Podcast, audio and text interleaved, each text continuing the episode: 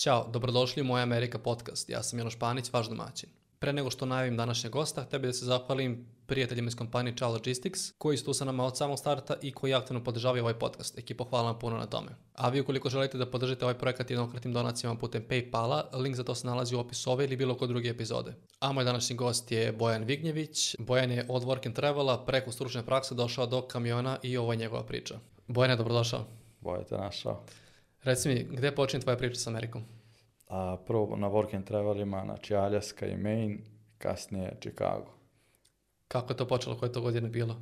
A, prvi moj odlazak 2009. work and travel Aljaska, a, radili smo znači ono preradu ribe kao salmon, a, kako se to kaže, ovaj, losos. Lososa i tunjevinu, znači 17 sati smene, ono, smenski rad, četiri smene, demolirane od posla, ali, ali da dosta isplatio posao. Šta si radio tamo? Kao, koji je tvoj bio neki glavni posao koji si radio tamo? E sad, pozicije su tad bile ono kao seafood procesor, kao radnik na, na, na traci proizvodnje ribe. A, znači, radili smo filete s lososa, sekli smo, kao radili smo na traci na sad sagaćete pet s jedne, pet s druge strane, desetak ljudi na, na jednoj traci. U, u toj kompaniji ja mislim da je radilo tad, pa saga ćete možda oko 1000 i po 2000 ljudi, da, tad. Grad se zvao Naknek, to je obala, obala Aljaske, severni deo. Znači, putovali smo do tamo jedno 17 sati iz Beograda na da. prvo presedanje, znači bilo je Boston, posle Seattle, pa onda Anchorage, iz Anchoragea Naknek. Da, prijatno privatnim avionom nekim evo, tri mjeseca je ta sezona trajala, to je prva sezona za, za Losos, mislim da je bilo oko mjesec i po, ajde, tako nešto. Četiri smene rade, znači u toj preradi, preradi ove ovaj, ribe, baš ozbiljan posao, nije, nije uopšte zanemarljiv ovaj rad. A, tadašnja satnica je bila, ja mislim, 7.25 ovaj, regularno, i 11.50 overtime, znači preko 40 sati ulaziš u overtime, to je već ono posle trećeg dana si na overtime-u, znaš, nedeljna isplata ide. Uh, imali smo hranu, a to nam je bilo uračunato, smešta je bio, slagaću te, mislim da je 75 nedeljno bilo onim kao kontejnerima montažnim, kao kad, kad se radi bilo, bilo gde na terenima. Uh, ono, jedno kupatilo nas 90 u sobi, mi Srbi i Turci smo bili u jednoj sobi, muškarci u jednim kontejnerima, devojke u drugim tim za spavanje. Ono, mislim, ok, smeštaj za, za, za taj rad, ono, terenski rad. A samo treba se navići na klimu, mi smo leti bili, ono, letna sezona, avgust, jul, avgust, hladno, znači jakna, dve trenerke, tuksevi, ono, kapa, razumeš?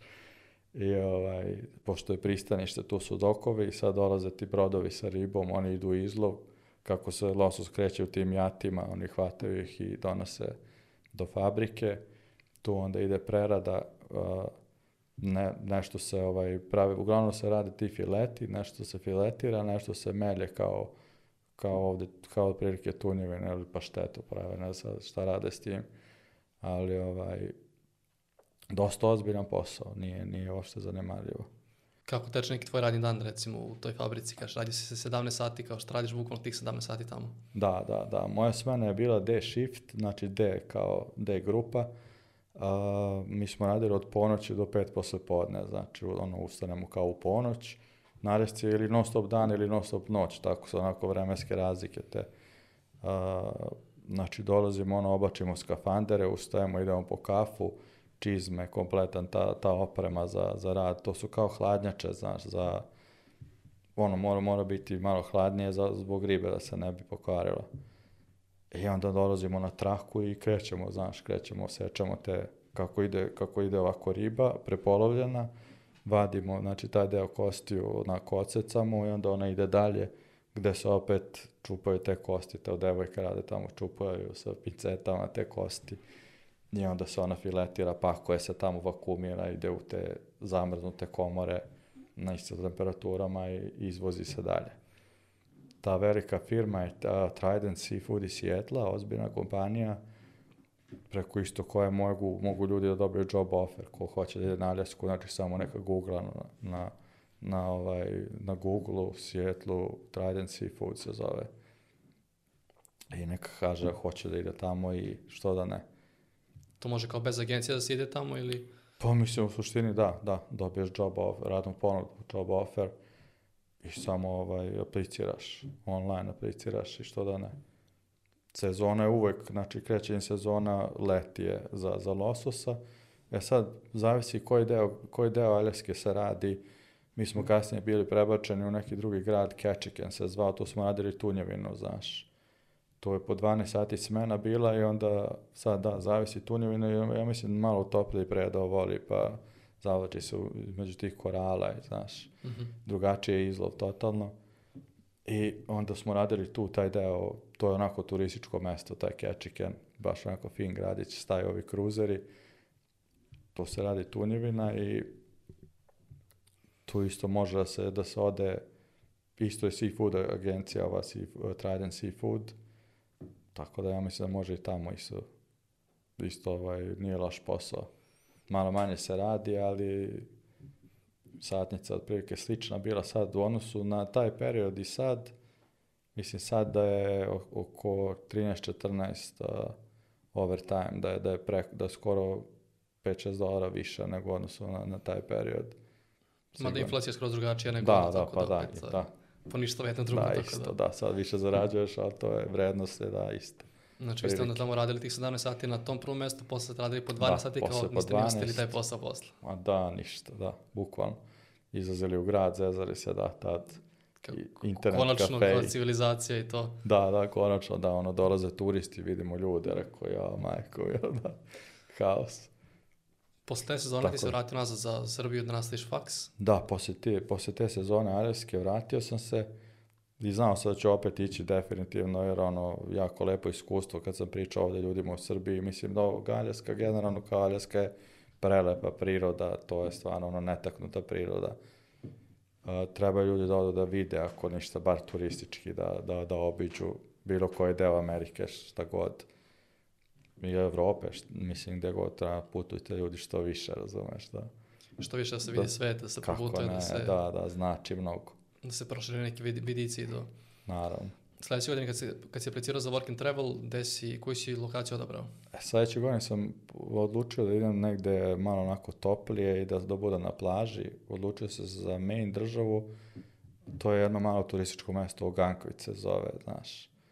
Uh, mislim, ono, planirao sam da bude negde na obali, pa šta mi upadne koja radna ponuda. E, tad smo radili u kuhinji, ta prva radna ponuda je bila restoran na plaži, Charles Neptun, isto fin, jako restorančić. Uh, dobili smo poziciju kao kitchen helper i ono pomoćnici u kuhinji. Ta prva, ta prva pozicija što je bila, onako, nije, nije loše, ali kad krene sezona, ozbiljan je baš onako ozbiljan tempo rada isto. 8 sati je bio ovaj radni dan taj, na tom prvom poslu. Prvo kako, kako tamo ovaj, teče obuka, znači sačekao nas je vlasnik, leteli smo u Boston, uh, ono u Bostonu nas je sačekao isto jedan moj prijatelj, slećemo u Boston, finale LA Lakers, Boston Celtics, znači utakmica ono gužva, haos i drugar jedan nas je sačekao, odvezao gore i sad vlasnik vrši obuku ovaj, u, u sledećim danima vrši se obuka rada, kako to ide, sve znaš kako ćemo raditi, gde, gde će ko na kojoj poziciji, znaš sve onako detaljno, znaš priprema hrane, sve se obeležava etiketama, datumom, znaš, istek rok, sve mora da bude ovaj, da bude precizno, znaš, nema, nema zezanja sa restoranima.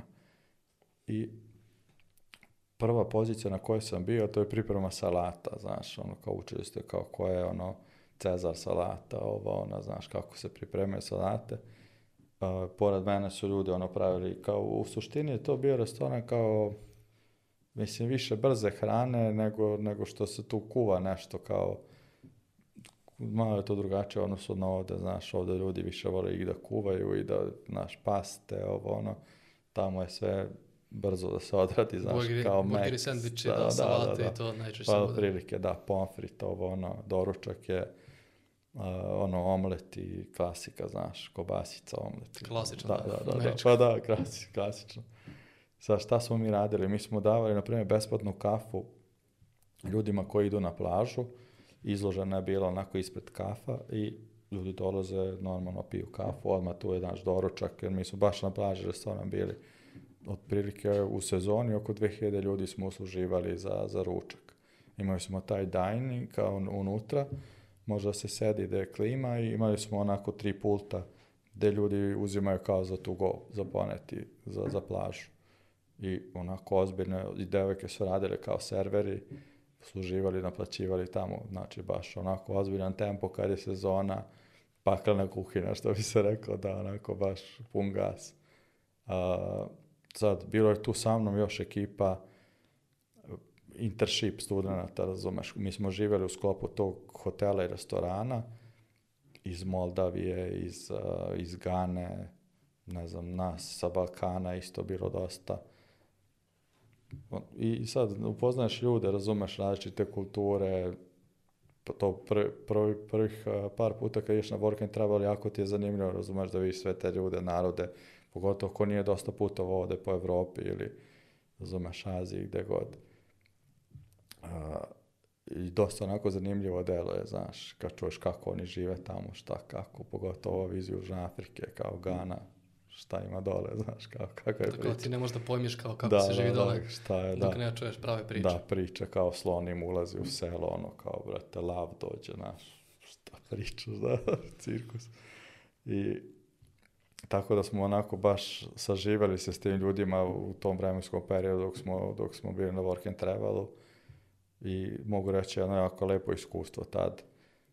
A na tom prvom poslu sad šta bih a, mogu još pomenuti, na primjer, jako je bitna stvar što tamo vlasnici bilo kog objekta, da li restoran, da li hotel ili šta, rade s tobom, znaš, oni rade i na liniji sa tobom, da li je to kuhinja, da li je server ili šta god, tu su, znači uvek su tu i uvek su spremni da ulete da u bilo kom segmentu posla da, da pomognu, znaš, to je, to je jako bitno, ono odnosu na ovde da gde samo gazdoju i ono kao naređuju nešto, znaš. Da, klasično, da. klasično da. naša, da. Robovlasničko društvo, da. Živeli smo, pazi, nas, ja mislim, tad 11 da je bilo u kući, ta, to je u sklopu tog hotela kao smeštaj, znaš, hotela, restorana na, na plaži i ono, pravili smo žurke na plaži, znaš, konstantno, zezanje, studenti, znaš, sad, bilo je isto je ova jedna naša balkanska ekipa izvan, izvan tog ogakvita se ovaj, smestila u tim kao kolibicama, znaš, I sad tu bi ono možda, slagaću desetak tih kolibica, po dvoje u svakoj kući. Tu su isto bila žurke, zezanje svaki dan. I sad kako je kretala, kako je sezona onako kretala, više ljudi je tražilo drugi posao, neko i treći, razumeš, sad ono, kada smo da, da, znaš, došli smo opet i da zaradimo nešto i da kasnije možemo da putujemo, da se zezamo, isto, znaš, družimo, ali ono, da, da sve ukombinujemo jedno, znaš, za taj, za taj vremenski period, da, da iskoristimo maksimum. Ja sam našao drugi posao kao taj part-time, pizzerija jedna, House of Pizza se zvala, zvala pizzerija. I rekao, ajde, kako se tamo traži posao? Znači, ideš od lokala do lokala i, i pitaš da li vam treba radnik. Ono, kao, ili oni napišu need help, kao Da treba kao pomoć, mislim, to se odnosi na zapošljavanje, kao, i da te pitate da li treba, šta treba, razumeš, oni kao ostavite, popunite aplikaciju, znaš kako ide to, popuni se aplikacija, oni te ili zovu ili ne zovu, ili im treba ili ne treba, ili ono neko uleti pre tebe, znaš, ko ima dosta studenta. A, kako se dobije taj posao? Mi isto tako smo išli redom, I kaže, oni kao, je kao trebao bi nam neko kao da nas sastavlja kutije u početku, znaš, za, za picu, ajde.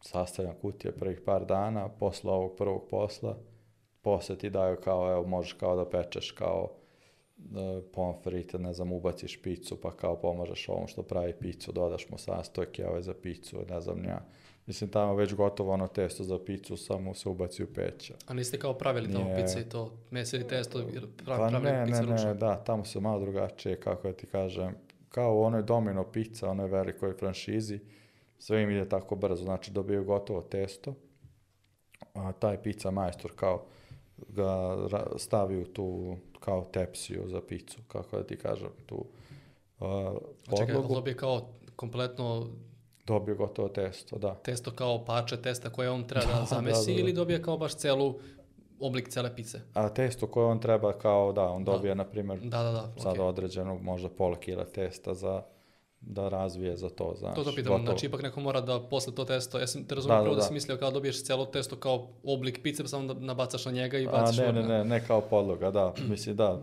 digresija to, to je kao kugla testa, znaš, da, da, da, da. dobiješ i razviješ je i ovaj, praviš picu kao da, stavi se gore, majster. da, ma da, smešno mislim.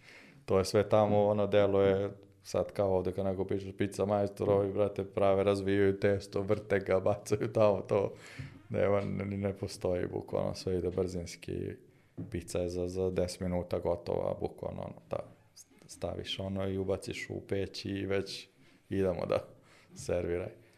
Uh, mislim, fin je posao, to Grci drže, ta je onako baš ozbiljna pizzerija, kasnije sam čuo da su prodali je, pošto su otišli u penziju, jako, jako, ovaj, jako je dobro radila taj period, baš onako u fullu.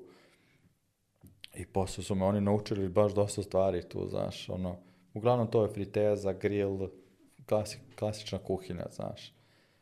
I kasnije, znači tu sam radio možda sa sagrađite, znači prvi posao od 8 do 3, onda ovo je bilo od 4 do, ja mislim, 8, 9 uveče i vraćam se ja isto, to je, to je malo turističko mesto, to, ovaj, taj Ogankvit, i vidim jedan meksički kao, to je jedan klub bio Oxygen i taj meksički, meksički restoran kao koji radi e, kao u sklopu tog kluba, isto kao pravi ono, ono veče, salsa veče, za zezanje i kao treba im noćni kuvar, kao, znaš, tipa od, od 11 do 1, znaš, kao da im radi kuhinja, ono kao, ne znam, načoske, sadilja, one sa one kao 5-6 vrsta jela koje su već pripremljene samo ih ono pečeš ili, ili ono brza je laka priprema, znaš, brzo ide.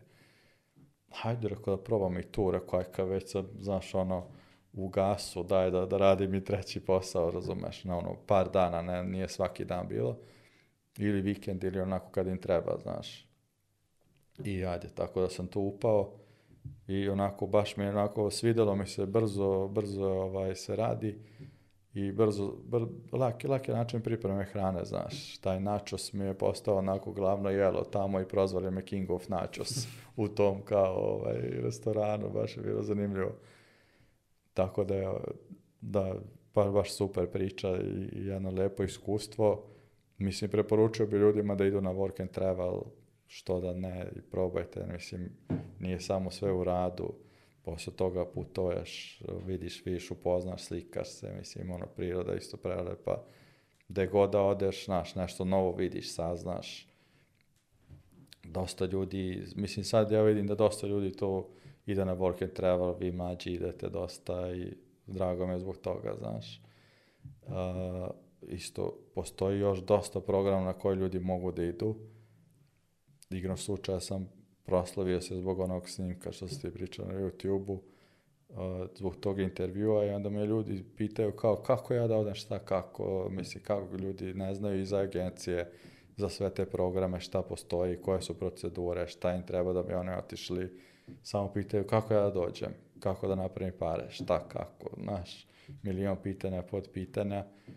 Ne, nije samo student da može da ide, znači možeš da budeš i radnik u nekoj fabrici, eto kao što sad Aljaska nudi te, te ovaj, pozicije za preradu ribe za ljude koji rade, koji su zaposleni bilo gde, znači možda budeš te god bitno da si u radnom odnosu, uzmeš godišnji bolovanje, nešto iskombinuješ i odeš da radiš tri meseca, razumeš, tamo i zaradiš nešto para, vratiš se opet, pa opet znam da radi to sad ljudi onako često, isto kao i ono za spasioce na bazenima, programe imaju ti, imaš za čuvanje dece, devojke idu na čuvanje dece, europer, isto, a, kako se zove ovaj program, isto za summer camps, mhm. kampovi, znači to isto kod, na primjer, neko ko je na fitness trener ili ono difovac neki nešto može da i da obučava decu da igraju futbal, odbojku, neki sport, nešto im pokazuje. Znaš, možda da imaš neku veštinu, neko znanje, nečega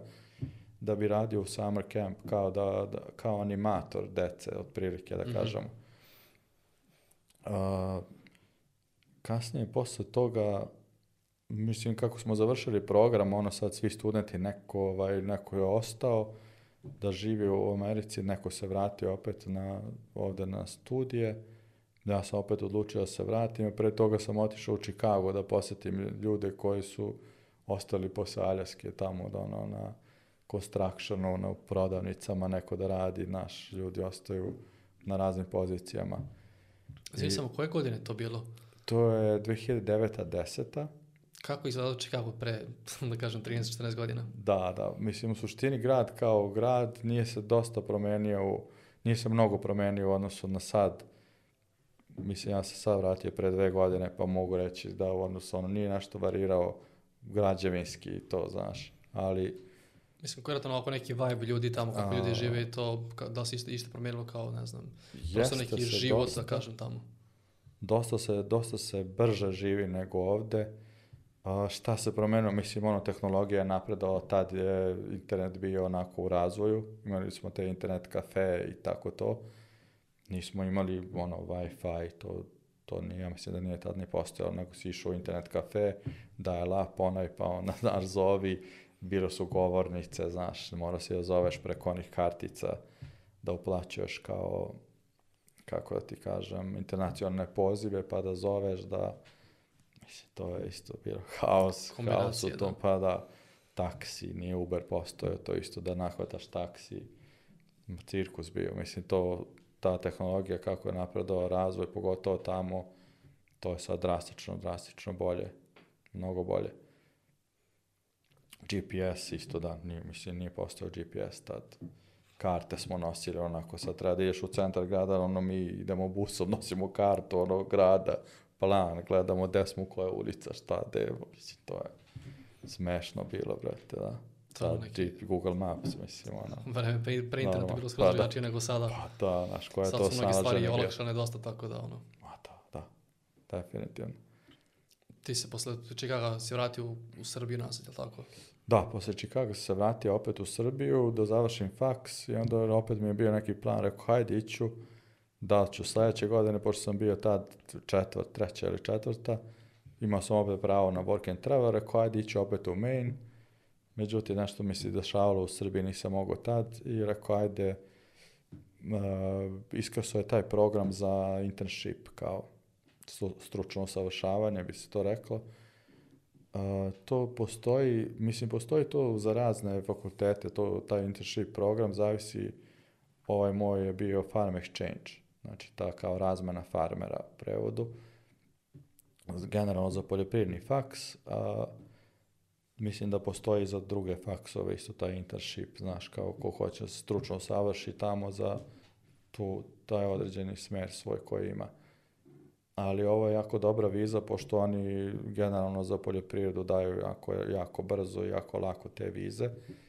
I multipla je viza, znaš, dve godine, radna viza, ideš da radiš na farmu, poslodavac tebe bira, znači ti ne možeš da biraš job offer ono kao, kao da, za work and travel, nego u ovom slučaju ti dobijaš ovaj farmu ili, ili poljoprivredno imanje, kako bih rekao, gde, gde ideš da radiš i ono, to je to, ne, sad, znaš, sad da ovaj, ja neću to, ono, i po, po tim svojim kar karakteristikama, po, tim, po CV-u i po tim svim nekim stvarima, oni tebe biraju gde ćeš. Mm -hmm. E sad, dosta ljudi je išlo da sad imaš ono ratarska proizvodnja, stočarska, znaš, raz, razne delatnosti. Uh, ja sam uspao neku farmu u Nebrasci, farma svinja Livingston se zove, milion i dvesta hiljada tovljenika, znači to je ovde nezamislivo, znači poredim Carnex, Neoplanta i ove naše su baš mali odnosno na te velike proizvođače.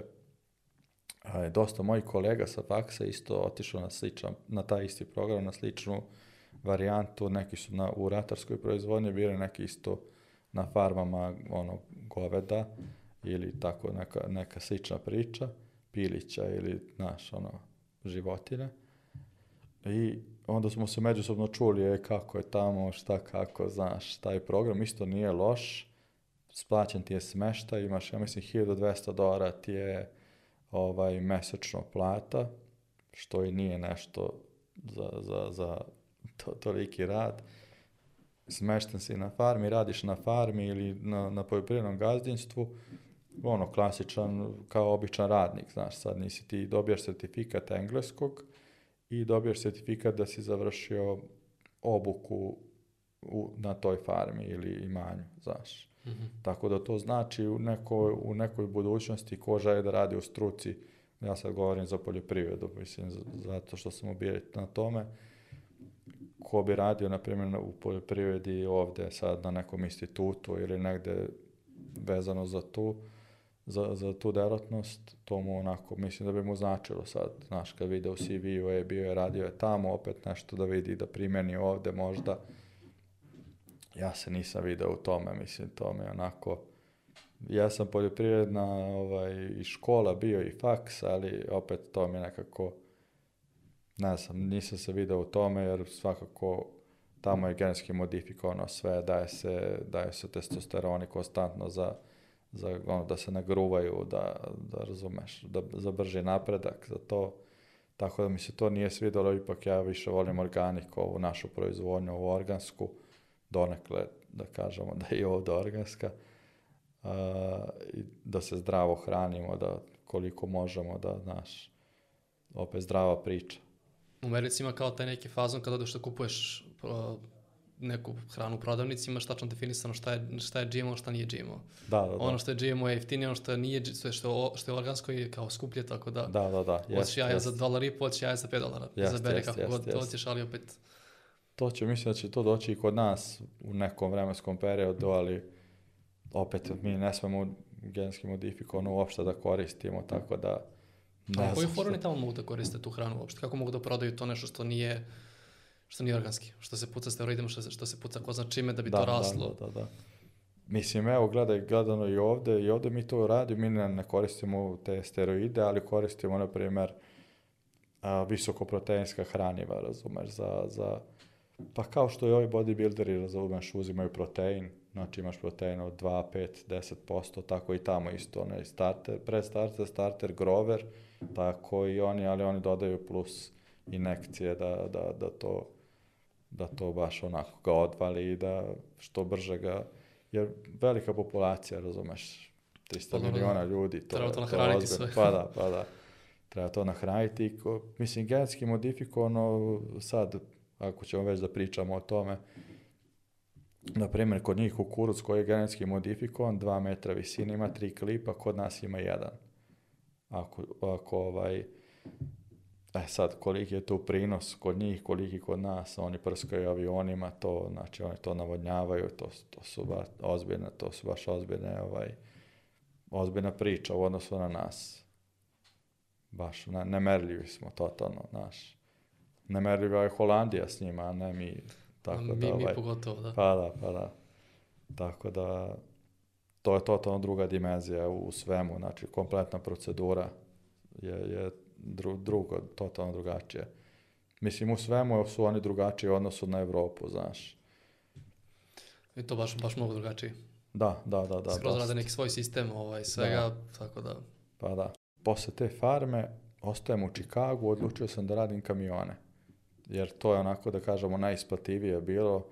Kad već ostajem, znači da vidim šta ću, kako ću, pošto niti sam lekar, niti advokat, znači šta ćemo, šta je najisplativije, programer, ne, nisam, ne znam to, hajde kamion, hajde. To je onako bilo o, najbrže moguće o, što je u tom trenutku moglo da se uradi. Polažemo za, za kamion, nas to, tad je bilo onako baš velika najezda studenta i, i ovih 2014. E, ja mislim, 13. 14. onako baš bilo ozbiljna migracija iz Srbije, iz Balkana, ne samo Srbije, ono sa Balkana, cela istočna Evropa onako baš migrirala ozbiljno. Uh, bilo nas je sad u jednom periodu iz Srbije onako stotinjak koji smo došli da polažemo za, za kamion, baš sad onako, što sam ja znao, posle dolazilo još ljudi, mislim, to je sad u Čikagu jako ozbiljan broj naših ljudi iz Balkana plus ostalih. Tako da, pazi, živelo je nas 27 u kući, što iz Srbije, što iz Rumunije, Moldavije, Ukrajine, raznih, ono, raznih studenta, znaš, isto slična fora sa Work and Travel, a ljudi su ostajali da voze kamione, znaš. Tako da, tad nismo mogli u Chicago da polažemo, ni u Majamiju, morali smo u Washington da, da idemo u Seattle, znaš. U Seattle, u jednoj indijskoj školi, gde nas je bilo tad sa Somalicima nekim, znači, tad je bio onaj rat u Somaliji, šta se ono dešavalo, pa su oni jako brzo dolazili nešto da nazile, haos je baš bio kod njih i uh, baš je bilo gužvo u toj školi, ono, mesec i po polaganja, svaki dan ono ideš na predavanja, klasi, mislim kao i ovde polaganje za kamion, to nije sad neka nauka, mislim ono nego je bila gužva. Ustajali smo u tri ujutro da, da, da, ono, da, da čekamo to polaganje i onda kad smo bukvalno položili samo daj svi za Chicago i krećemo sa, sa tim poslom. A, što ljude najviše interesuje i, i zašto sam ja odlučio da, mislim, ne da se eksponiram, da se snimam, ali eto, ljudi su postavili milion pitanja kako za kamion, šta, kako, pa da im objasnimo konačno kako da mhm. odu da polažu, da krenu da voze, kako, koliko su zarade, šta, kako, mislim, još će ljudi pričati o tome, pa mogu da potvrde sve te priče. Ovaj, mislim, ja ću govoriti o svoje ime, kako se, koliko se zarađuje, šta, kako, svako je osoba za sebe drugačije i radi i, i gleda na to, pa nek svako kaže svoje viđene situacije. A, mi smo krenuli, znači došli smo u Chicago 2014. pred novu godinu negde, kad smo položili, tamo proslavili novu godinu ovaj, i krenuli svi u zimsku sezonu, znači kako je sneg bio u Chicago, je onako ozbiljno hladan grad, zimi, krenuli smo sa vožom, znači ono vatreno krštenje, znaš, još zimi. Prvi put u kamionu prvi zima, put sneg. niko nije video kamion na slici, bukvalno I da, sneg odmah, da, black ice, to su te situacije onako dosta, dosta ozbiljne za vožnju. Uh, I onda smo onako jedne, bili smo svi na obuci, znaš, jedno dve nedelje i kasnije smo dobili znaš, svoje kamione da vozimo za kompanije.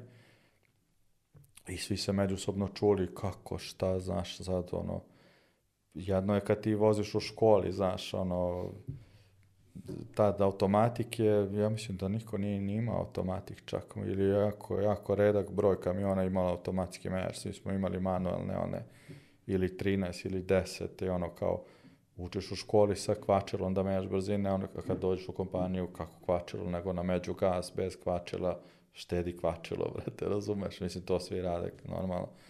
I ovaj, dok smo uči, ušio sve te fazone, pa onda e, ono ne znaš tako dobro zakon, pa razumeš, nek svaka država je posebna za sebe sa zakonima, negde ne sme ograničenje, ne znam toliko, negde ne sme ona koža na volanu, kao što stavljaš na auto, znaš, ono... To ne sme u nekim državama. U nekim da državama to zabrano, na primjer. Ili ona kugla što se stavi kao, znaš, ona da, osmica da, da. bili, pa kao možda to kao isto, ono, zabranjeno. U nekim državama, da. Pa onda, ne znam, negde ti je međuosovinski jer prostor e, između prikolice i kamiona drugačije, znaš, negde ne sme toliko, negde sme ovoliko, negde, mhm. znači, ti to ne možeš da znaš, veruj mi, sve odjednom, znači, tu moraš da dobiješ kazni i kazni da bi i, da ljude koje znaš da dobiju kaznu da bi naučio, da, da, da bi skontao sve to, da, ne, ono moguće. I tako da smo na tim jako, jako mnogo, na tih greškama smo naučili baš jako mnogo, a, jedne druge bodrili, ono, pomagali ko šta, kako prođe, kakav kvar ima, onda ono, ne znamo, naš, nismo baš pojma ni imali, mm -hmm. ni o čemu, razumeš. Pukne guma, šta radi, da, naš, koga da zove, kako, šta, koga treba, znaš, šta se dešava. A, tako da, ono, baš ozbiljna, prve godine baš ozbiljna situacija s tim kamionima, Lično ja sam imao nekoliko udesa i ono i total, totalke te, jedno sam visio s mosta, brate, na Floridi, onako bio neki jahtin show s kamionom isto, znači strašno, brate. Ono, spojilo me, nije mi ABS dobro radio, mhm. razumeš, neiskusan, ne znaš, znači ništa, nikakav black ice, ništa, lepo vreme bilo, Samo mi se zakočilo i bum, onako preko mosta mi previsio i čoveče, ne Pa da. Koji horor, brate? Horor, brate, da, šta je ovo, znaš, ono, odjednom. I onda, znaš, tako, posle ti znaš kako treba da kočiš, kako ako to ne radi, da, da usporiš, da prebacuješ, da iskustvo je, znaš, ono, vremeno stečeš iskustvo, pa onda znaš Uh, onda kasnije, dru, u, u, već kasnije smo kupili svoje kamione, većina nas u toj prvoj godini, ono, vožnje, uh, vraćaš neke dugove, ono, od work and travela, razumeš, ono što ti je ostalo, pa malo šaješ kući, pa ovo, pa ono, naš, kupiš svoj kamion prvi, pa onda kasnije svoja auta, znaš kako to ide tamo kad ostaneš, treba ti stan, treba ti, znaš, milion stvari, uh, pa onda jedni drugima govorimo, ej, koja je dobra, ovaj, koja je dobra banka za kredite, šta je dobro, znaš, gde da uzmem kredit za auto, kako, šta, znaš, zato i hoću ljudima da pomognem, da, da čuju ljudi isto koji idu, koji, koji žele da ostanu tamo, koji dobiju na lutrija, evo sad je završena lutrija, prošla nedelja je dosta ljudi dobio na lutriji green card, tako da isto ljudi, ono, ako šta treba, pitajte, razumeš, tu sad dosta ljudi gostuje, drago mi zbog ovih podcasta da, da postojite, da ljudi čuju dru, druge ljude, mislim, kako su prošli. Pa da, to su ono kao čista iskustva nečija, ne, nije samo eto, to, kao ja da, sam da, ja da, sam, nego sad... brati imaš lepo sve. To je to, da, da, da. Kompletno iskustvo, da kažemo tako. Da, da, da, kako, kako se snaći uopšte, mislim, gubljenje vremena na, i novca i vremena jako u tim dezinformacijama i u, te, u tim greškama, razumeš, koji ljudi prave početničke, ja znam kako je nama bilo isto.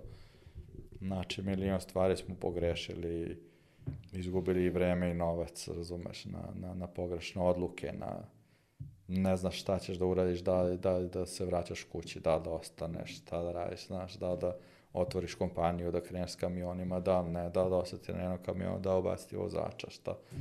Mislim, to je mi svaki dan ti ono u glavi haos, razumeš. I bitno je da, veoma je bitno eh, koji ljudi, ljudi koji idu, kako mislim, šta žele, koji im je plan, da li žele da žive tamo, da ostanu, da li idu na određeni vremenski period, uzmu pare, da se vrate u, Srbiju, Balkan, gde god, ili ono, idu turistički da se zezaju, razumeš, sad svako ima svoj drugačiji cilj, plan, mi smo bili bez cilja, ono, kao, ostanemo pa da vidimo šta, kako, znaš, kasnije tek imamo da neki da. cilj, kao, pa možda ćemo isto, možda ćemo ipak da se vraćamo, možda bi se vratili u Srbiju, možda bi ostali, sad, znaš, sve, ono, ako bi dobili papire, ostali bi, ako ne, vraćamo se, znaš, sve sad zavisi od milion faktora, znaš, kad ne utičeš ti na to.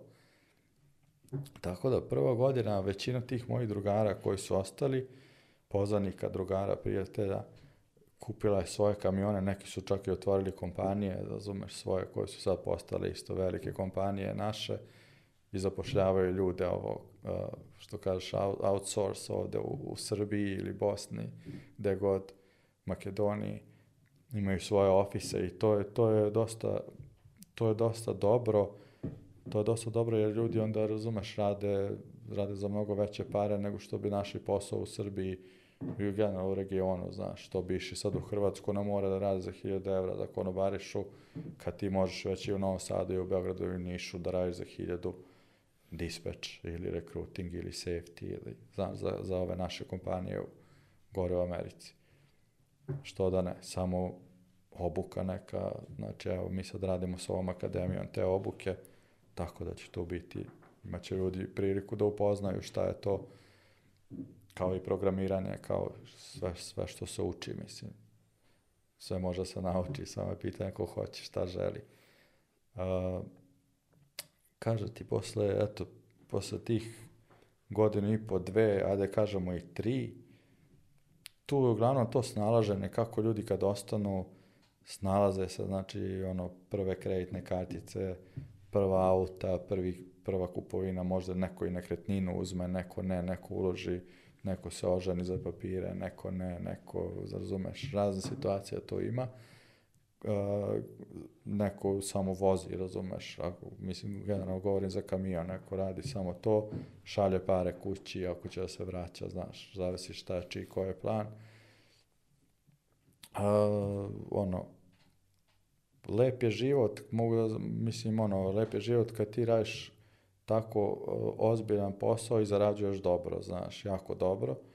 Možeš i da putuješ. Mi smo generalno onako radili par nedelja smo na putu, posao odamo ili Miami ili negde ono kampujemo, iznajmimo na RV i putujemo. Mislim, obišli smo celu Ameriku baš onako dosta, dosta i i autom i ono kamionom, mislim kamionom i ne možeš da vidiš te predale kad radiš, ali kasnije kad dođemo to se putuje, to, to su razumeš iznajmljivanje, ono jet skijeva, zezanje, znaš, što ne možeš sa ovim work and travel običnim poslovima, znaš, jer ne, nije toliko plaćeno, znaš onda generalno zašto gubiti vreme, ja sam rekao ljudima isto tamo koji su ostali i sa mnom i pre mene, znaš, radili su marketima, moving, taj, taj construction, ljudi, nemoj gubimo vreme, istih 24 sata imamo i vi i ja, mislim, brate, daj, šta je plaćano, bolje ti je, kad si već tu, kad si već preko, nisi kući, bolje radi nešto što je onako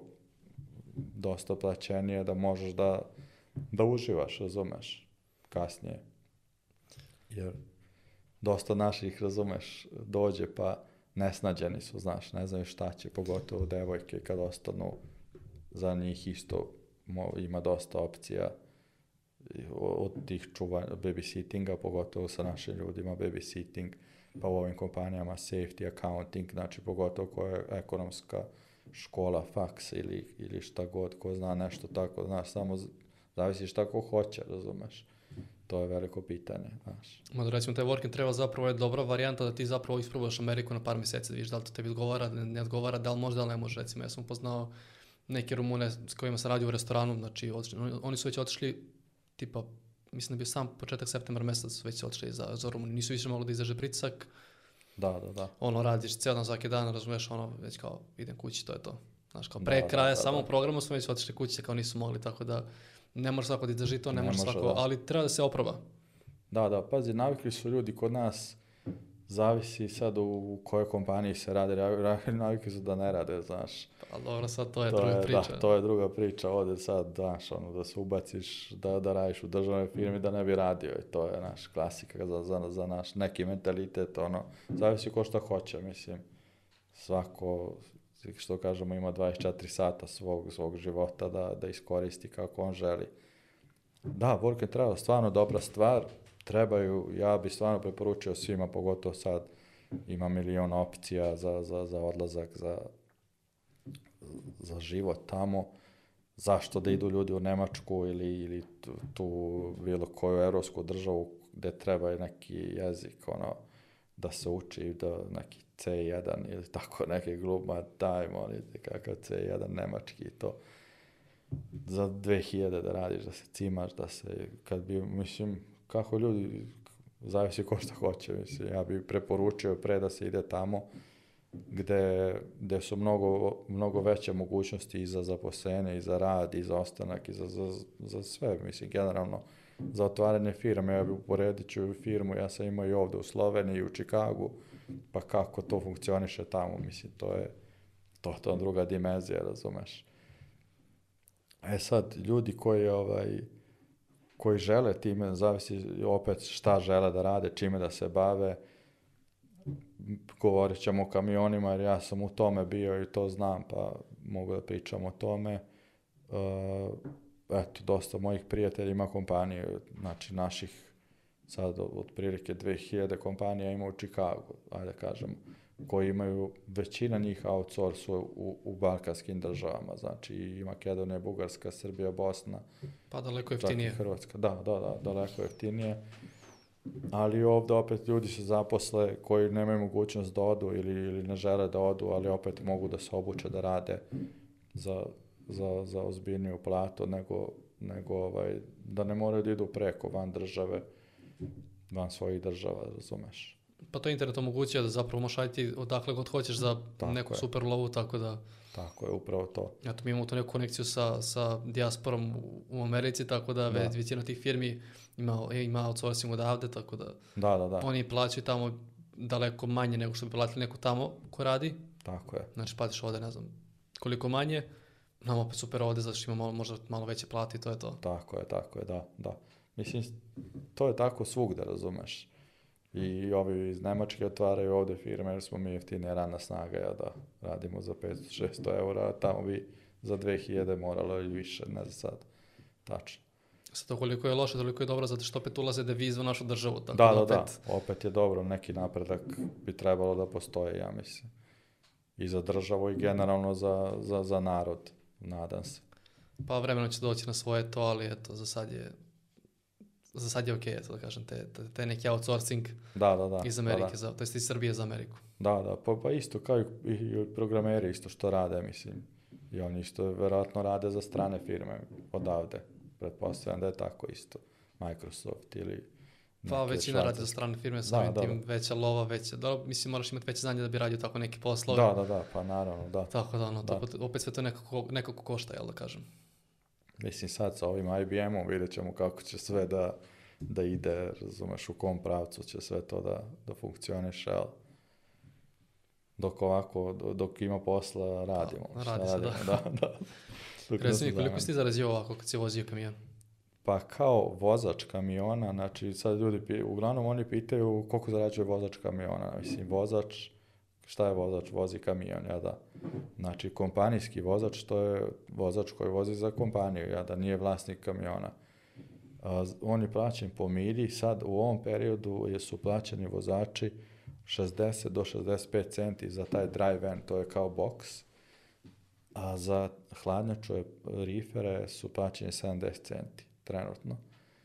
I sad ima, imate flatbed, to je kao kao ovde prikorica sa ciradom, znači koja je ono, ili, ili ne mora da ima tu ciradu, gde može da se, da se ta cirada sama prebacuje, pa se vezuje, pa to smo isto radili, ali to je plaćeno isto oko 70 centi po milji. Znači, otprilike su tako neke cene trenutno. O, znači, ljudi mogu, evo, trenutno, mi smo tad imali platu 50 centi, eto, kad smo otišli 45, pa kasnije 50, kad smo bili ti kompanijski vozači, Uh, pa saga ćete da pravili smo oko 2000, ajde kažemo tad. Sad ljudi prave u proseku oko 2500 kom, kao kompanijski vozači, mislim i više, ali ajde kažemo prosek, 2500. Samo da kažem da je to Zavisi. prosek 2500 po nedelji, znači nedeljno na nedeljnom nivou i 2500, da, da, znači neki da. kažem 10.000 do toku meseca, 10.000 u toku meseca. A ti opet radiš za, za 2000 da. za cijel mesec u Nemačkoj ili tako. U Nemačkoj i ovde u Sloveniji, da sam ja isto imao firmu, 2400 je mesečna plata. Eura, dolara, sve to, to je jednako, mislim, sve jedno.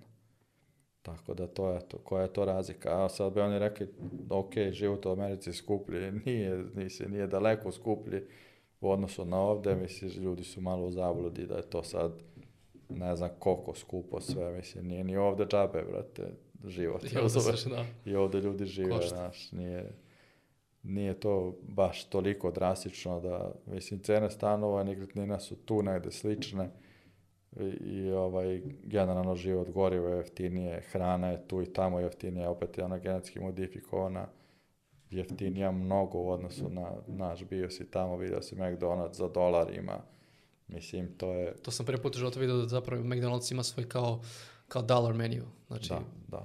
meni za jedan dolar što možeš kupiti. Tamo su oni napravili, znači ti imaš i za ove ljude koji nemaju love da, da, da idu, na primjer, idu u Walmart, to je onaj kao, kao kod nas Tempo, Metro, koji ima malo više para ide u TJ Maxx ili onaj Menards ili šta ti ja znam, malo skuplje prodavnice i onda znaš tu ti ide onda više organik, ovamo ti je GMO i tako su i klasirali ljude, imaš za svakog sve, mislim, nema šta koliko para, toliko muzike, razumeš pa, šta, da, nešto. U suštini da, da tako da, funkcioniš Amerika. Da, pa da. Da svi imaš po nešto, ali opet snađi se i to ti je to. Snađi se, ali svi imaju mogućnost da zarade, mislim, nema šta.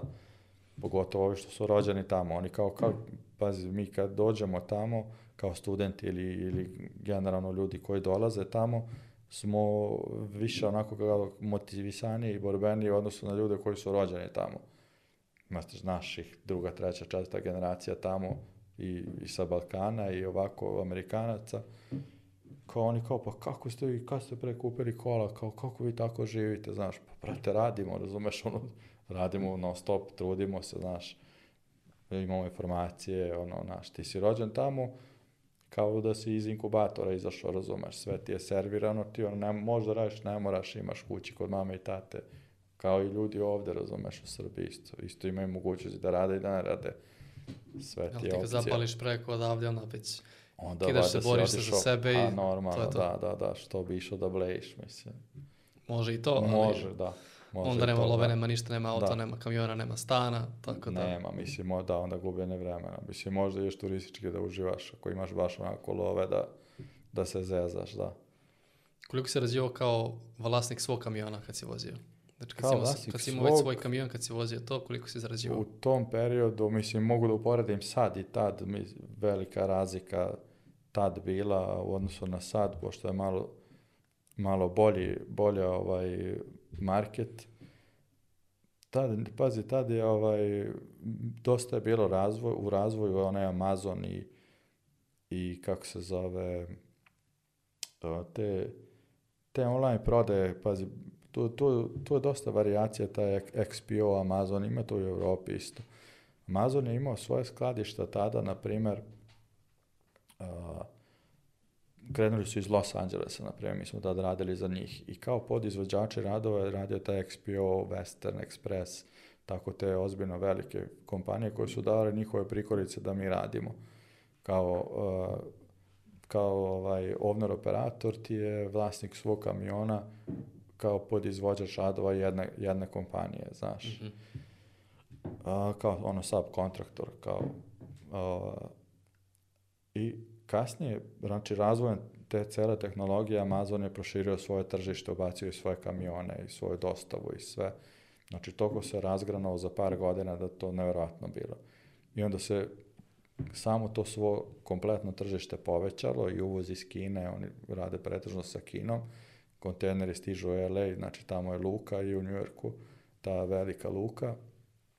Transport je jako ozbiran coast to coast, znači s jedne na drugu obalu i Amazon je jako veliki pokretač bio te, te cele industrije, plus je tu i železnica, znači ne govorimo samo o drumskom saobraćaju, ima tu i železnički, avionski, znaš, dosta tu ima ovaj, i drugih, brodski saobraćaj isto. A, Ali, na primjer, kao vlasnik svog kamiona u tom tadašnjem periodu, da kažemo od 3,5 do 5.000 da neki prosek, da kažemo, onako bio. To je neki prosek, mislim, zarađuju smo i više, ali da kažeš, ono, ludačkom vožnjom, nespavanjem, znaš, tako te pun gas, znaš, ono, da se dešava da plaćaš više kazni napraviš udes, pa onda, znaš, napraviš gluposti i opet ništa, znaš. Čabe si radio taj mjesec, pa da. na primjer, znaš. Ali dosta je velika razlika u odnosu na ovde. Nisi limitiran, a, ti, mislim, tad, tad smo mi vozili na papirni, onaj kao tahograf, što bi se reklo mm -hmm. ovdje, loadbook se zove tamo. Tad je bio papirni i ono, cepaš i gas, razumeš, sad samo piči, kao bez taho. I... A, velika razlika odnosno na ovde, ovde imaš zabrane vikendom, ne smeš da se vozi, tamo sve radi 24, razumeš. Radi ti servis na putu, radi ti, znači ti truck stopovi su toliko umrežani, povezani da to je, mislim, savršeno funkcioniše, nema šta, kupaš se svaki dan, mislim, nema tu kao ovde, ono, ne kupaš se 5-6 dana, mhm. nema tuša, nema, znaš, brate, da je Kaka Tamo je to baš sve razvijeno, ako imaš jako je, da, da, jako autoputevi da. koji šibaju, ti samo šibaš njima, imaš te stopove, Većina. staneš, jedeš, tuširaš se, najnormalnije da, da sve. Da, da, da, sve, restorani su u sklopu, tu su servisi za kamione, to je znači sve, ne moraš čak ni da dolaziš kući, radiš sve na putu, malo je skuplje, ali kad ti onda pogledaš svoj mislim, opet govorim, kako, šta, ko želi, razumeš, neko ima devojku, mora da ide kući, neko ženu, dete, mora da je u Čikagu ili gde god živi Neko hoće da ostane da pravi lovu, pa onda će da radi sve na putu da ne bi gubio vreme. Razumeš, ti kad ostaviš da ti rade servis, gubiš dan, dva, tri, znaš. Opet, sve, sve stvar, znaš, ko šta želi i kako želi da radi, da se odnosi prema tom poslu, razumeš. A, pazi, sad trenutno, evo kako sad, mislim sad je da, da kažemo loš market, zarađuje se slično, ali evo u prethodnom periodu za vreme korone baš je onako poprilično dosta dobro radio market i moglo se jako, jako ozbiljno zaraditi kao vlasnik svog kamiona. E, zato su ljudi tako i kupovali kamiona, otvarali firme i odjednom je ta industrija onako baš... Tako svi i uletali u svet, da, da, da, da, digli kredite, uzeli kamione da. i... da, da, da, jako mnogo naših i razvio se taj biznis u jednom periodu baš onako ozbiljno i sad je opet ta neka ekonomska kriza, da li zbog tih ratova u Ukrajini i šta se dešava, da ne, da ne znam ni ja na globalnom nivou šta se tu dešava, da je tako popucao to tržište, ali opet nas sad ljudi isto, ja sam i u dispeču i rekrutingu i trenutno sa firmom isto, znam kompletno i cene i koliko ljudi zarađuju i ovde i tamo i opet kažem, znači to je četiri puta bolje nego ovde, znači svakako. Kogod se odluči, evo sad iz Srbije, iz Bosne, dakle god, hoćeš da ideš u Nemačku, razmisli, bolje ti je opet otići. Ako već, znači, hoćeš da ideš, nisi kući, bolje onda je otiđi Kanada, Amerika, zato što sad imaju te LMO dozvole, kao što sam ti pričao, EB3 vize i to, mm za to je vezano za kamione, znači to je pretežno program za ljude koji se bave tom, tom industrijom, mora da bude dve, dve godine u stalnom radnom odnosu, da ima neko iskustvo, da dokaže da zna da vozi neki osnovni level engleskog, što verujem da svi već znaju, znači to se već u školama uči, ne, ne mora da se toliko upgradeuje i jako brzo se ovaj završava sve, odlazi se tamo u jednu, u jednu od većih kompanija. Malo je manja zarada u početku zato što oni finansiraju ceo, znači ništa se ne plaća, oni finansiraju ceo program. Ta agencija, mislim, plaćaš troškove, ono, izrade vize, to, to je nešto jako malo, možda 100 dolara, sad ne znam tačno. Ali generalno ceo program snose američke firme, znaš Tako da lagano možda se ode sa porodicom, kao i seljenička viza, dobiješ da papire kompletna porodica da, ra, da, da živi, da radi, da boravi, kako god. Razumeš? Ako želi neko to, naravno. Postoje dosta agencija i sad i u Makedoniji, u Sloveniji, što ja znam ima čak i u Srbiji jedna, što se, što se bavi time. A, mi smo trenutno napravili ceo jedan tim koji, koji rade na podršci tim ljudima. E, imamo, na primjer, tim psihoterapeuta, brate, koji, koji će da radi s ljudima tamo kad im bude težak period, da hoće da se vrate, mm -hmm. kako da im pomognu, da, da prebrode te sve krize koje smo i mi imali isto kad smo tamo bili daleko od porodica, znaš. Ja sam u Savu Cugu bio sedam godina bez, bez dolaska u Srbiju, znaš. Nije to baš tako jednostavno prebrojiti sve te probleme, svaki dan imaš neki problem, razumeš, što ovako, što finansijski, što ovako generalno životni neki, ne znaš koji ti je cilj, nisi se ostvario kao roditelj, na primjer, ili mislim ili imam problema, ono generalno svako ima neke svoje probleme. I tu pravimo tim ljudi koji bi pomogao u tim nekim rešavanju problema, kao i kao i ovako tim ljudi koji radi dajemo, na primjer, sugestije kako da napredujete, kako smo, koje smo mi greške pravili kad smo odlazili, kako smo, kako smo napredovali u tom, u tom biznisu kamionskom, da, ovaj, da napravite iste greške, znaš, da prebrojite brzo te prepreke i da pomoć oko otvaranja firmi, kako da, koja, koja banka daje najbolje uslove, vezano za kreditiranje opreme, vezano za dalji napredak biznisa, kako, šta. Znači, te neke sugestije da ne moraju da, da, ne moraju da lutaju toliko i da plaćaju biznis konsultinge, kao što smo mi te imigracione advokate, ove, one, M gubljene vremena, M para, znači, to je ozbiljno trošak. I a, sve u svemu, pokušamo da napravimo jednu priču, pošto vidim da je jako mnogo ljudi zainteresovano, pisali su mi na Instagramu i na Facebooku posle onih mojih videa, da, da ovaj, žele da ide da rade, da, kako da oni odu, šta, kako. Tako da sam napisao isto to, taj moj e-book koji može se naći na sajtu isto, te, gde će biti i te sve obuke, da ovaj, da jednostavno da ljudi iščitaju iskustvo, da, da vide sad ja ne mogu da znam iz glave šta, šta ko hoće da me pita, ali ja donekle sam neki priručnik napravio šta ko može da, da, ovaj, da zna u nekom, u nekom segmentu tog posla, da, da kažemo, znaš, na šta da obrati pažnju, kad je zima, kad je leto, šta, kako, što tiče i vožnje i samog otvaranja firmi i nalaženje radnika, svašta nešto, mislim, to je onako sveobuhvatnih tema. I... Znači ti imaš to sad da kažem neki uh, već utabani put za te ljude koji budu dolazili, novi ljudi koji budu da, dolazili da, da, da. u Ameriku. Dosta stvari, mislim, sam im tamo ovaj, objasnio da ne moram sad svakim pona osob da, da, da komuniciram, da idemo na ručkove, da se čujemo, da ovo, da ono, naš, to je gubenje vremena ozbiljno za mene. Tako da, eto, ko bude hteo, naravno da ćemo izaći u susred i da se čujemo i da odemo na ručak, ko, sa većinom njih, ali ne mm. mogu sad sa, sa sto ljudi da, da, ono, da, da se ovaj, svaki dan viđam.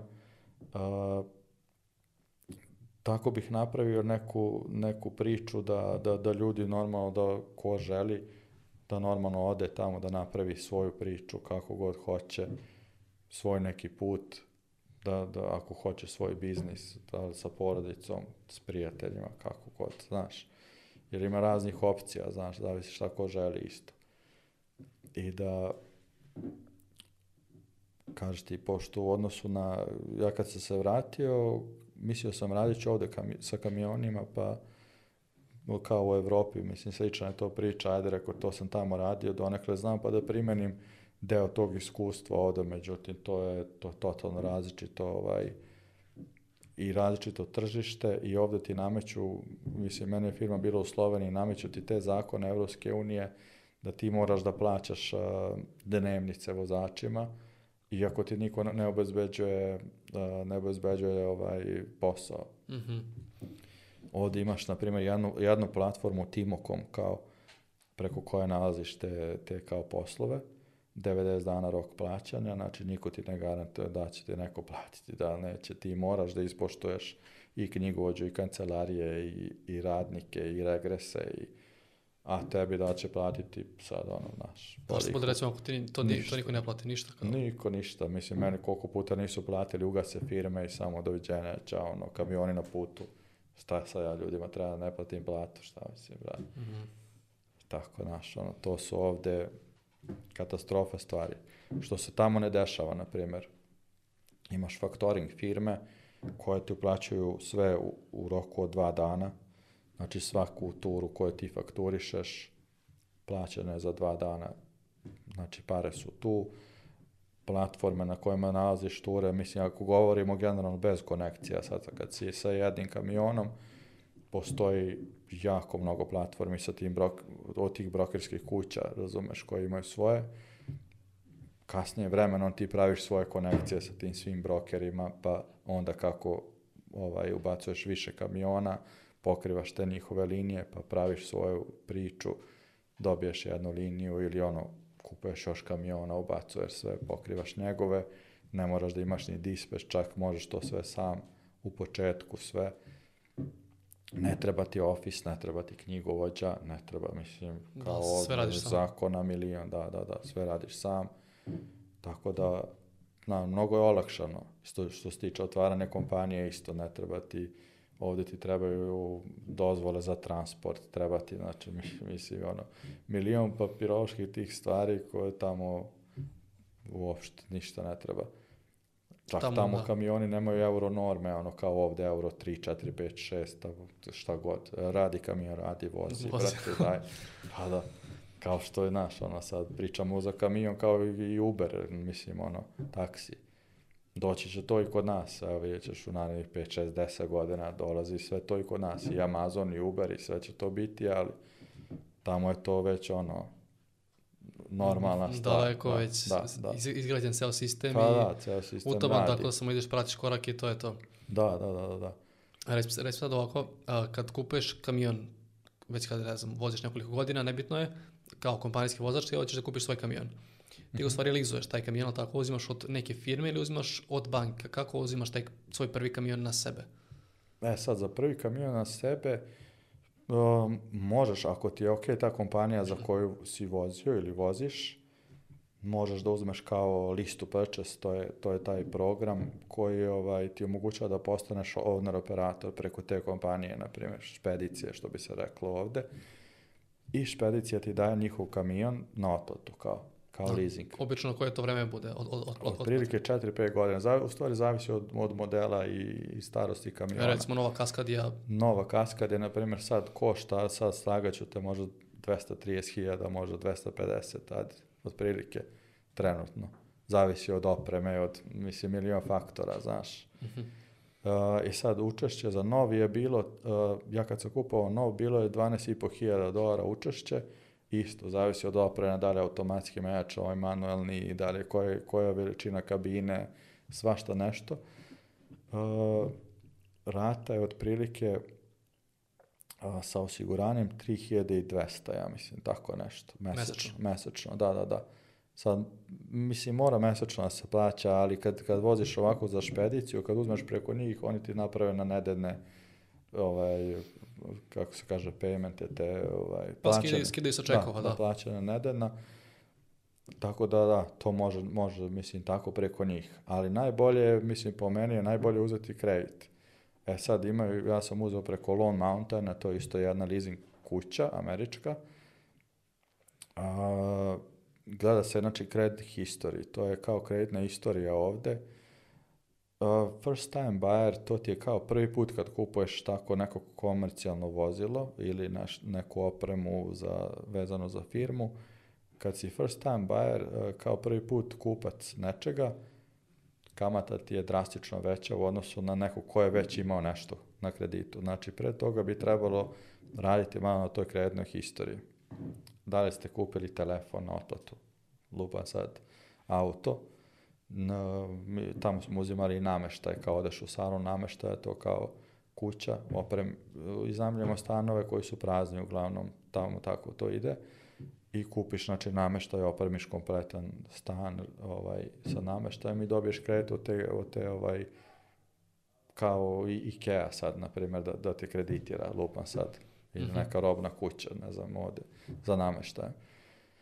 Da ti kredit, na primjer, 7000 dolara, ti uzmeš nameštaj ili plaćaš nameštaj, razumeš, vidite, ti si tamo poznat u kreditnoj istoriji već redovno, nije samo bitno da si redovan u plaćanju tih svojih obaveza, da li je to telefon, auto i oni kad vide, znaš, ok, niste imali kao ovaj, skuplje vozilo, kamion, ovo, ono, ajde, možemo da sredimo mali neki kao popust, diskount, da, da, da ovaj, izađemo u susret, ali, eh, ali obično taj first time buyer je onako nepovoljan kredit i onda se više ljudi vezuju za, za firme, za kompanije, za špedicije,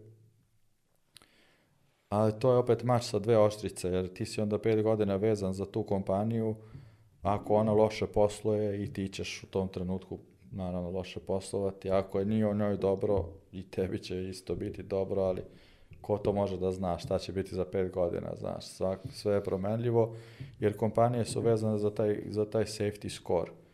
Što ovde to, mislim, to ovde je nepoznato sve. Safety score je, je, je score kompanije e, koje, koje gledaju brokeri kad ti daju ture, znači sad ti, na primjer, hoćeš neku turu, tri kamiona su ti imala, na primjer, oštećenje robe ili su imali ovaj udes ili nešto i to se pojavljalo na tom, tom tvom safety skoru kompanije i on kao, brate, ne mogu da ti dan turu, ovi vozači su ti katastrofa, razumeš, loše voze, slupali su ili su ukrali robu ili se nešto desilo, su slupali kamion, nećemo da radimo s tobom, a ti si već uzao kamion preko te kompanije, znači, brate, onda manji izbor tura za tebe, Znaš, mislim, to je sve sad, ali opet u početku je, mislim, teško je uzeti taj prvi kamion. Najbolje bi bilo, šta smo mi radili, ja sam prvi uzeo za keš. Ono, bio neki krš, ali rekao, ajde samo da, da odskočim, znaš, taj, taj stepenik, pa da posoću, Znaš, ni, ni, ne bi ni dobio kredit, mislim, za taj prvi, ne, nema šanse. Koliko para, šta je bilo u pitanju, šta si kupio? bio prvi Freightliner Century, druga mi je jedan isto pozamio jedan deo para i nešto sam ja imao. Uh, ja, slaga ću te, 10.000 je bio nešto smešno. Samo toliko? 10.000, da, da, da. Pa I otišao sam. Jel to uopšte, ali, ono, Ma da, da, da, možeš da. ti s njima da praviš neke pare? Kako ne, kako ne. To je fora što je ovde, na primjer, evo gledaj, znači ti nemaš normu koji kamion je, znači radi ispravanje, treba ti samo DOT inspection da je on ispravan. Kao ovde, e, kako se to zove, e, preregistracija, ova inspekcija, da ti sve pregledaju ti kompletno, znaš, da, da ti te, tehnički pregled, mm -hmm. da ti papir da je sve ispravno, ispravno i mislim nema šta, to je to. I tako da ti možeš da lagano voziš bilo koji, bilo koji kamion, to je nebitno skroz. Mislim i auto za Uber isto tamo nije bilo tad. Mislim sad ja mislim da ima neka ograničenja sa, sa godištem. Krenulo je to u Kaliforniji sad zbog tog uh, mm, DEF sistema DPF. Tako da malo tu sad kreće tim zabranama, ali inače to pre nije bilo, mislim, evo, ja ti kažem, ja sam vozio taj kamion koji ili nešto. Ja koliko te trebalo vremena da otplatiš taj kamion generalno kad si... Pa dve nedelje. E. pa da, pa da. Kao se, da te da ti možeš kupiti dve... kamion i otplatiti ga za, za pa, zabranje, da, nigde, recimo u Americi. Da, da, da, da, da, pa da. Mislim, ovde jednostavno, naš kako, evo, ja sam ovde isto uzeo neki bio kamion stariji malo, e, mislim, većinom su mi bili novi i jedan je bio stariji zbog, zbog tog tahografa, nešto je ali ti plaćaš putarine mnogo skuplje, razumeš. Ti je ovde, na primjer, Italija, Francuska i ovo, ti plaćaš pet puta skuplje putarine nego euro šest. Naprimjer, taj moj je bio euro tri. Šorako, šta je ovo, šta je ovo? Ti u Americi, znači, nema to, to kao putarine diskofatički ne postoje. 20% puteva se možda samo plaća, ma i manje, možda 10.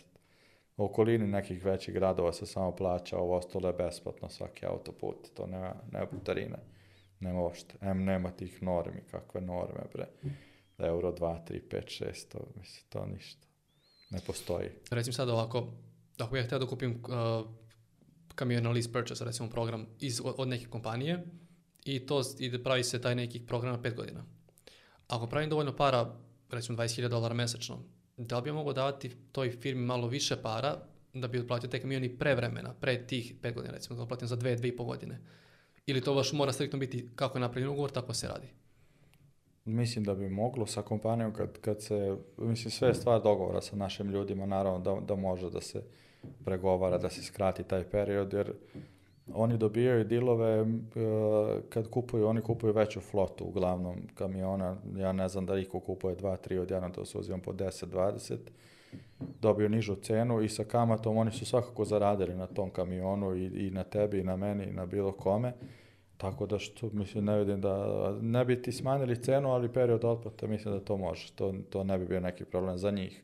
Što se tiče ove, ovih leasing kuća američkih, ne. Već sam ih pitao da, da, da li je to moguće. U mom slučaju nije bilo moguće. Ne za sad da li neko ima drugačiji neki slučaj da, da može. Uh, ne znam zašto to nije bilo moguće, jer, jer kao... A, Uh, oni su imali, na primjer, bar, po, bar meni je to bilo limit godišnje koliko smem da pređem milja na tom, kad sam uzao nov kamion brand new, uh, sad slagat ćete možda uh, da 40-50 hiljada godišnje da pređeš, preko toga ti doplaćuješ nešto kao za, taj, za to održavanje, za maintenance, kao, znaš pošto su kamioni ti u garanciji, i onda oni gledaju tu da se ograde tih prvih pet godina, da to mhm. bude, znaš, i njima neki još dodatni profit ako nešto moraju da plate popravku i to, znaš, jer je u garanciji sve. E sad to, mislim sa našim ljudima da, da može svakako da se, da se drugačije napravi deal, kako god, jer ono, naši su uvek fleksibilni, pogotovo kad naši rade s našima, da, da, da izađu u susret uvek, da, to U većini slučajeva da, mislim da da. Tako da može da se pravi i dosta naših, znam mhm. odavde što su kupovali, imate i poznate pevače, ove naše što su ulagali gore isto, dosta love za, za, za biznis. Jer jednostavno kad, kad imaš gore ko da ti to vodi sve, da održava redovno, znaš, opet treba ti neko od poverenja da ti to sve vodi, to stvarno jako, jako lep profit može da bude. U ovom periodu ne, ali mislim neće do veka biti ovako loš market. Ja se nadam. Čuo sam da ima neka priča ovaj, kao da se namerno pravi kao neka veštačka kriza kako bi recimo te firme koje su letele u dobu korone, koji su kupili mnogo kamiona vamo tamo, da njih pogase kako bi recimo velike firme kao JB Hunt, XPO, Werner ili Amazon kako bi oni kupili sve to i držali kao monopol nad tim Da, da ti praktično više nećeš imati kao posle nekog vremena, više nećeš imati firme naše recimo, pogotovo naše koje rade tako, sa tipa par, par stotina kamiona, nego ćeš imati bukvalno te velike kompanije, kompanijetine koje rade. To i da ćeš jedino morati da voziš za njih. Da, da, da. Jel to ima neki da, istine o tom ili kao... Ja mislim da da. Opet, trebalo bi da, da, da, da čujemo mišljenje malo stručnijih od mene oko toga, ali po mom mišljenju mislim da da, jer opet oni su ozbiljni giganti, jer mislim, ona Werner Schneider i ovi po 25.000 kamiona, to su korporacije toliko ozbiljna sa terminalima, sa, sa, sa stvarno nevjerojatnim stvarima. Jer oni su zaokružili celu svoju priču, imaju i kontejnerski taj ovaj, transport i avionski i kao, naš, udružuju se sa DHL-om, oni se udružuju, jednostavno mi, mi kao barkanci svako radi zasebno, sad ovaj ima 50 kamiona, ovaj 100, ovaj 300 i jedni, jedni drugima smo zavidni, znaš to je naš mentalitet, mi to ne možemo promenimo i slabo se mi udružujemo, mislim generalno ja ne znam da se niko s nekim udružuje, da nešto jedino ako su ono kumovi, braća pa da pozajmelju prikolice ili tako neke, neke varijante, ali udruživanje ne, ne, ne, s našima, ne znam, takvi smo, mi tako poslujemo. Tako poslujemo i ovde i, i tamo i ne znam, takvi smo, takvi smo jednostavno. Plaševi smo, da će neko da zezna nekog ili ne znam. Kao klasično naša. Možda, da, da, da, da. Verovatno je to. Evo, ti si već dve godine u Srbiji, osnovao si svoju akademiju. Čime se ta akademija bavi i šta, koje usluge ona pruža? Ta akademija se trenutno bavi uslužnim dispečom i rekrutingom i pomoći pri, pri odlasku u Ameriku. Znači, svi, svi ovi ljudi koji žele da, da odu da voze kamione tamo, napravili smo paket za njih da, da kako da odu, da ih spojimo sa agencijama i, i damo neke savete, smernice. Imaju taj, taj e-book tamo, znači ta cela moja kompletna priča, kako detaljno sve, kako funkcioniše ta industrija. I ovaj, napravili smo im pakete, znači sa našim nekim smernicama kako ko, ko želi da ide za koliko godina da ju napravimo ono neku odskočnu dasku da, da izgrade svoju, svoje, svoje da li kompaniju, da li svoj brand, neki nešto. I taj konsulting radimo i, i kažem ti imamo tim, tim stručnjaka pomoć pri otvaranju firmi, web sajtova, vođenje Instagram profila, kompletan ceo marketing i kompletno ovu e, taj, taj psihoterapeutski tim, razumeš, koji pomaže ono kogod je u dijaspori imao je taj problem, znači i sa, sa, sa tim vra, nostalgijama, sa, sa depresijom, razumeš, sa svim tim problemima koje to nosi, ta, to ostajanje ovaj, bilo gde u dijaspori. Tako da, eto, pomažemo u svim tim segmentima da se prebrode krize i u pomoć u, u, u svakom smislu, mislim, ono, šta god treba, tu smo. Tako da, mislim, drago mi je, drago mi je veoma na, na ovom gostovanju i da ljudi čuju konačno da, da ne moraju stano da me zovu, da kontaktiraju da i jako kvalitetne goste imaš i ti i, i vlada ovaj biznis priče baš baš ovaj kvalitetna kvalitetne teme i, i ljudi pametni gostuju i može svašta da se čuje i preporučio bih ljudima ovima koji voze kamione ne gledaju podcaste već imate internet, imate sve, ono, nemo da gledate Netflix, gubite vreme, bolje da čujete pametne stvari od, od ljudi koji gostuju kod vas, pa saznate nešto novo i edukujete se normalno. Evo za sam kraj, imaš još neki savet za neke naše vozače, recimo Americe, za naše ljude koji, hoću da, koji hoće da odu iz Srbije, sa Balkana, za Ameriku ili generalno za našu dijasporu, da li imaš neki savet? Pa generalno mislim za, za ove mlađe generacije putujte uh, ono da li, da li turistički, da li ono da se selite, ne, da radite, probajte, vidite kako, kako funkcioniše, što da ne, mislim, nije, nije, nije Srbija jedina zemlja na svetu, ono Balkan, generalno govoreći, probajte, otiđite dok, dok ste mladi, što, mla, što, što više putujte, da, da vidite, da upoznate, da, da vidite kako stvari funkcionišu u biznisu ako planirate da se vratite, da primenite te neke stvari i ovde, da, da usavršimo zajedno ovu državu ili države ovde okolne, da svima bude bolje, razumeš, što bi, što bi samo u Evropi bile dobro, ako kod nas loše uvek. Da primenimo neke stvari, znaš, sa svim tim ljudima koji su van, znači ja se nadam kogod se bude vraćao da nešto već zna da, da, da primeni ovde. Tako i mi radimo. A ovi gore, znači, mislim, ono, nemojte samo da vozite kamion ko, ko bez glave, naš, ono, ima tu mnogo online stvari koje mogu da se nauče i što iz ovih podcasta, što mogu da se za, mogu da završi milion kurseva online da završiš. Imaju te aplikacije za kurseve, po, poslaću isto link gde možete da se edukujete i za MS Office i za ovo i za ono. Znači sutra kad izađeš iz kamiona da već nešto znaš Da nisi ovaj, samo vozač mm. kamiona, razumeš, ili ono, ko je radio dropshipping ili taj Amazon FBA, isto, vrate, jako dobra priča. Znači, milion stvari može da se rada. Mi smo radili kripto i radili smo mm. ove akcije, od, eh, kako se kaže, na berzi. Imaju aplikacije, znači za sve već postoji, mislim, ono, 21. vek je sve, sve već tu. Samo treba znati šta, gde, kako i ko šta hoće. Mislim, to je normalno. E, baš za sam kraj, sad kad, kad si već rekao za, za vožnju kamiona, da se paze ljudi, da, da nije samo da jurcaju sve to. Ti si imao jednu povredu, ali tako? Znači imao si svoj jedan da. sudar malo jači. Pa eto, ako mi samo možeš opisati kako je to uopšte izgledalo? Pa da, pa kažem ti, eto, to je to jurcanje, nepažnja. Tad sam radio flatbed, tek one stoge, ovaj, te prikolice sa ceradom. Voze, tu se ra, voze građevinski materijal uglavnom.